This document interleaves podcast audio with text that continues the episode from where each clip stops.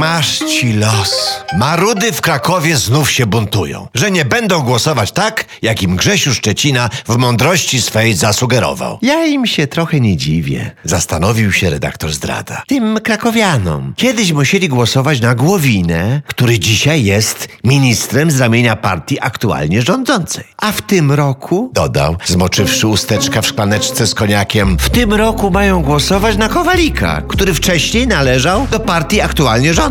Ojej! Zdumiała się na to Anetka, nasza starzystka. Czyli jeśli nie lubią partii rządzącej, to właściwie i tak głosują na jej działaczy? Tak właśnie jest, zaśmiał się redaktor. A może ci wszyscy działacze? Zastanowiła się Anetka, aż jej się z wysiłku czółko zmarszczyło. Może nie wszyscy tylko udają, że tak ze sobą walczą. Oczywiście, że udają. Mecenas uśmiechnął się do Anetki z ojcowskim politowaniem, zaś głęboko w serduszkach są po prostu wrażliwi na krzywdę bliźniego. To znaczy? Uniosła brwi Anetka. Kiedy dajmy na to zasłużony działacz zostaje z jednej partii wyrzucony, działaczom innej partii robi się bardzo przykro. Więc zaraz go do siebie przygarniają, żeby miał zajęcie i z całych sił mógł służyć Polsce. Właśnie na tym, drogie dzieci, polega pluralizm, że jest wiele partii, a nie tylko jedna. I można sobie wybierać, z której się chce startować, kiedy się już należy do platformy kumoterskiej. A krakowianie zamiast jojczyć, niech się stroją na wybory. Demokracja się sama nie obroni.